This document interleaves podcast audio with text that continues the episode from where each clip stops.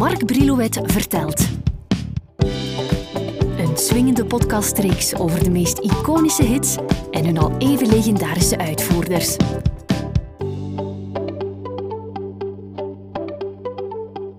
Toen in 2011 eh, bij uitgeverij De Bezige Bij het boek Raymond van het Groene Woud in mijn hoofd verscheen, hoefde ik niet lang te aarzelen om me dat boek, geschreven door Marta Heijlen, meteen aan te schaffen.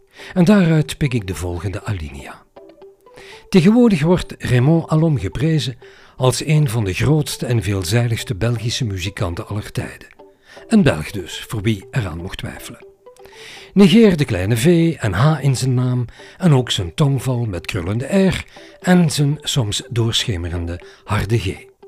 Raymond woonde in Schaarbeek, Anderlecht en een reesem Vlaamse gemeenten en steden. Zijn ouders waren wel Nederlanders. Raymond, en dat zijn dan weer mijn eigen woorden, woonde wel degelijk een tijdje in Nederland. Dus leek het me interessant voor deze babbel om daar dan ook te starten en zo verder te reizen tot de dag dat hij Johan Verminnen ontmoette. Maak het je gemakkelijk en geniet van dit toch wel onthullend gesprek. Je ouders waren Nederlanders, Amsterdammers. Ben je in het Amsterdams grootgebracht?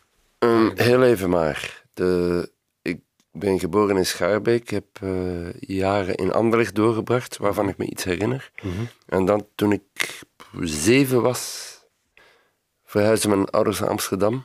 Te weten, mijn moeder en stiefvader. Ja. En dan heb ik uh, zo'n tweetal jaren in Amsterdam-Zuid doorgebracht. Ja, toch. Houdt daar een mens een wat grotere mond aan over? Want Nederlanders zijn volmondiger. Je durft in je teksten het zeggen.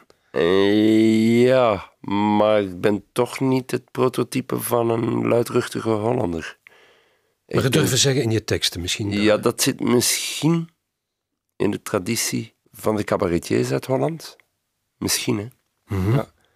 En misschien ook in de esprit van de opvoeding. Maar het is toch de aard van het beestje in de eerste plaats. Ja. Ik denk dat dat toch uiteindelijk nog individueel bepaald is. Papa moest weg hè, uit Holland, hij wou daar vluchten. Ja, ja, en ze hadden al de Tweede Wereldoorlog moeilijk verteerd, mijn ouders. En niet alleen zij natuurlijk. Maar ik kan me wel voorstellen dat dat dan zeer gortig is om nog eens onder de wapens geroepen te worden. Liet dat iets bij hem na, een spoor of zo, dat hij weg moest? Mm, ik herinner mij vooral uit verhalen uiteraard, de, de situatie dat hij hem zo angstig maakte van hier in Brussel uh, clandestien te zijn.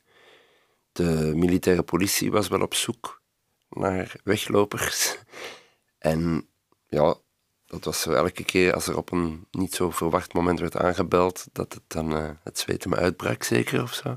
Je gaat bij je mama wonen, hè? want je ouders scheiden in ja. 55. Ja. Dat was, uh, ja, in Anderlecht uh, is mijn vader weggegaan. Mama's kind?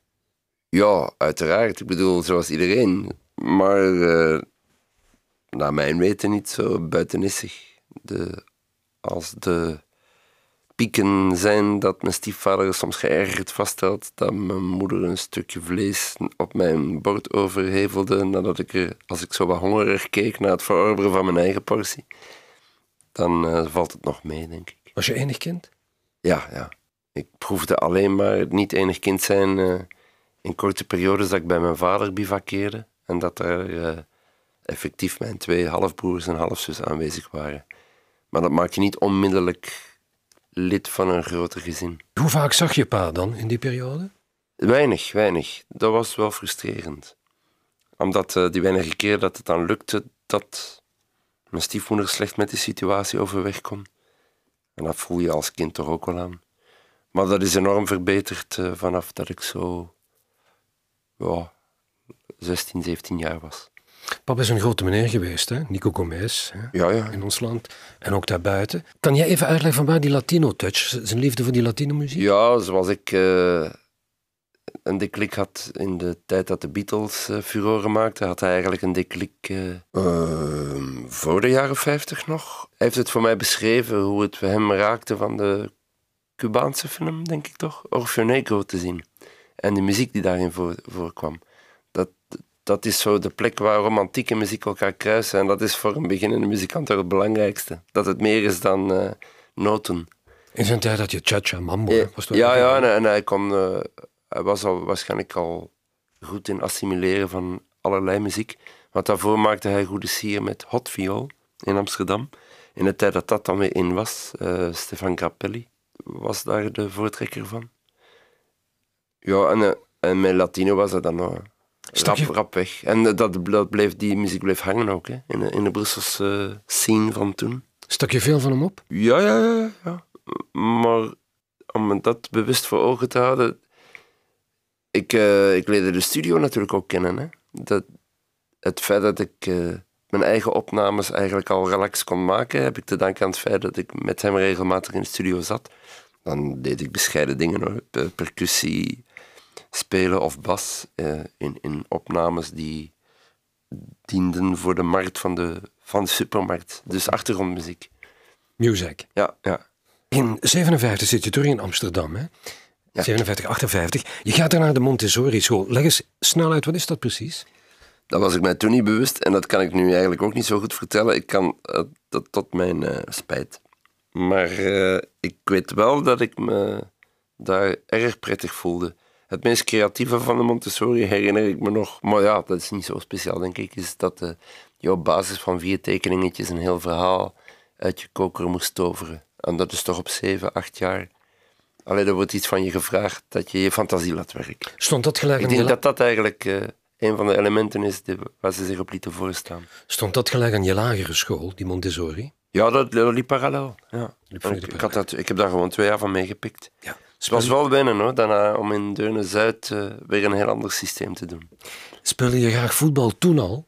Ja, ja toen was ik echt, uh, daar ging ik mee slapen en ik stond ermee op. En je wou de grootste worden daar? In voetbal? Ja, uiteraard. Uh, hoewel dat, dat dan niet zo'n... Dat is ook geen bewuste ambitie. Hè? Je droomt gewoon dat je alles kan. En dat je het, het uiterst belangrijke doelpunt maakt waarmee je de finale wint. En je zag toen ook de Beatles en toen dacht je, hey. Dat had ik nodig om, omdat ik al uh, in het schoolsysteem waarin ik zat, kon ik mijn weg niet vinden. En ik voelde me gewoon al... Uh, ik voelde de wereld dicht groeien. Ik, uh, ik zag geen zonnestralen meer doorbreken. En dan, had, dan was dat wel zeer welkom om de Beatle-muziek te mogen horen. En die zongen dan ook nog Here Comes the Sun. Ja, ja maar toen vooral was het Twist and Shout. En de, de verve waarmee dat gebracht werd door die halve rauwe stem van John Lennon. Dat was voor mij het symbool van bevrijding. Klopt het dat je op je negende al piano speelde? Zeggen, ja, ja, op een negende werd ik naar de muziekacademie gestuurd in Deurne, in Deurne-Zuid ook. Je moest normaal een bepaalde periode wachten met noot, uh, al noten leren uitoefenen voordat je piano kon gaan spelen, maar ze hebben me geloof ik wel wat vroeger laten beginnen, omdat ik ja, dan talent had. Meestal knapt een kind dan af, hè, als je noten moet leren en zo. Ja, maar dat was toevallig dan iets wat me zo makkelijk afging, dat ik, terwijl ik het niet eens merkte, het al kon. Dus je zit aan het Atheneum. Was dat het Atheneum van Berchem? Of, of, of? Dat werd later het Atheneum van Berchem. Toen waren we naar Deurne-Zuid pas verhuisd. Mm -hmm. Want eerst was Deurne-Noord, dicht bij de Bosuil. Hoe oud ben je dan? Toen was ik elf, toen ik eraan begon. Je hebt daar een, een, een klein groepje, Why Not? Kortstondig bestaan. Ja. ja. Uh, ging dat niet in een groepje? Of? De eerste groep die deed dat dat zou gebeuren was voor mij al iets geweldigs. Maar in de praktijk bleek het toch een repertoire te zijn dat mij niet lag. Richting Udo Jurgens onder meer. Nu zie ik dat wel wat breder allemaal, al, al is het nog niet mijn favoriete repertoire. Maar toen was dat bijna de muziek van de vijand, zal ik maar zeggen. En de aard van de optredens was ook niet om over naar huis te schrijven. Bij de grootmoeder van de drummer op zo'n bedompt feestje spelen. Maar goed, zo doe je ervaring op, zal ik maar zeggen. En is het pa die zegt in 68, 69, kom nog maar bij mij spelen? We gaan lekker coveren, de bekende hits. Ja, in 69 uh, wist hij van moeder en stiefvader dat ik het wel definitief verkorven had op, in uh, richting uh, studies normale studies, zullen we ze maar noemen. En dan zei hij, je kan bij mij een centje bijverdienen, zoekend naar je plaats in de maatschappij. En dan steek je gelijk nog wat op van de muziek. Creëren van arrangementen. Heel uitzonderlijk mocht ik er dan eentje schrijven. Dat is toch niet makkelijk? Ik bedoel, dat leer je toch niet zomaar arrangeren? Nee, maar ik was wel ver geraakt in noten leren, een beetje in harmonie. En het zit erin, hè. Dat, dat is nu zo. en, dan was het, en op basis van zijn arrangementen kon ik ook al dingen opsteken. Klopt het dat Wiltura in 1970 tegen jou zei: hey, jij moet bij Johan Verminnen? Die legende loopt, maar ik was daar niet bij. Ik weet wel dat ik vaak in de studio was, dat Jean Kluger, de producer van Wiltura, daar ook vaak was. dat de gebroeders Kluger, Jean en Roland wel door hadden dat ik wel iets kon. En dan had je dat Jean Kluger buiten Wiltura ook in die periode Johan Verminnen had. Maar dat het effectief Wiltura zou zijn geweest, dat kan ik niet goed volgen. Want ik heb Wil toen eigenlijk nooit echt gezien. Jean Kluger, zullen we dat maar zeggen. Ik denk het wel, Die maar ik denk dat het verhaal sappiger wordt en duidelijker wanneer je er Wiltura in steekt. Ik heb Verminnen geïnterviewd en die zei: Ik heb eh Raymond, mij zal dat leren bedoeld hebben, onder zijn kont gestampt en gezegd: Allee jongen, ju, was hij zo wat je vader of heeft hij je wakker geschud? Of... Het enige wat ik wel, wel kan zeggen, waarin hij toch wel een essentiële rol heeft gespeeld, dat is dat toen ik eh, op eigen- vleugels ging vliegen, dat hij zo even informeerde tussen neus en lippen in welke taal ik dat ging doen. En omdat mijn favoriet zich meestal bevonden in de wereld van de Anglo-Saxische muziek, zat ik nog te dromen dat ik ook wel in het Engels ging verder borduren. En toen vroeg hij, zou je dat wel doen? Is het niet beter om in je eigen taal te zingen? En ik voelde daar de uitdaging in en ik voelde er ook ja, de uitdaging ook in de zin van je bent pas echt als je in je eigen taal zingt. Dat heeft hij misschien niet zo letterlijk gezegd. Maar ik liep daar wel mee rond nadat hij zo geïnformeerd had. En toen die Frank bij mij gevallen was, wou ik ook moedig zijn. en zei ik, shish, dan doe ik het ook in mijn eigen taal. Als hij dat bedoelt, dan ben ik mee.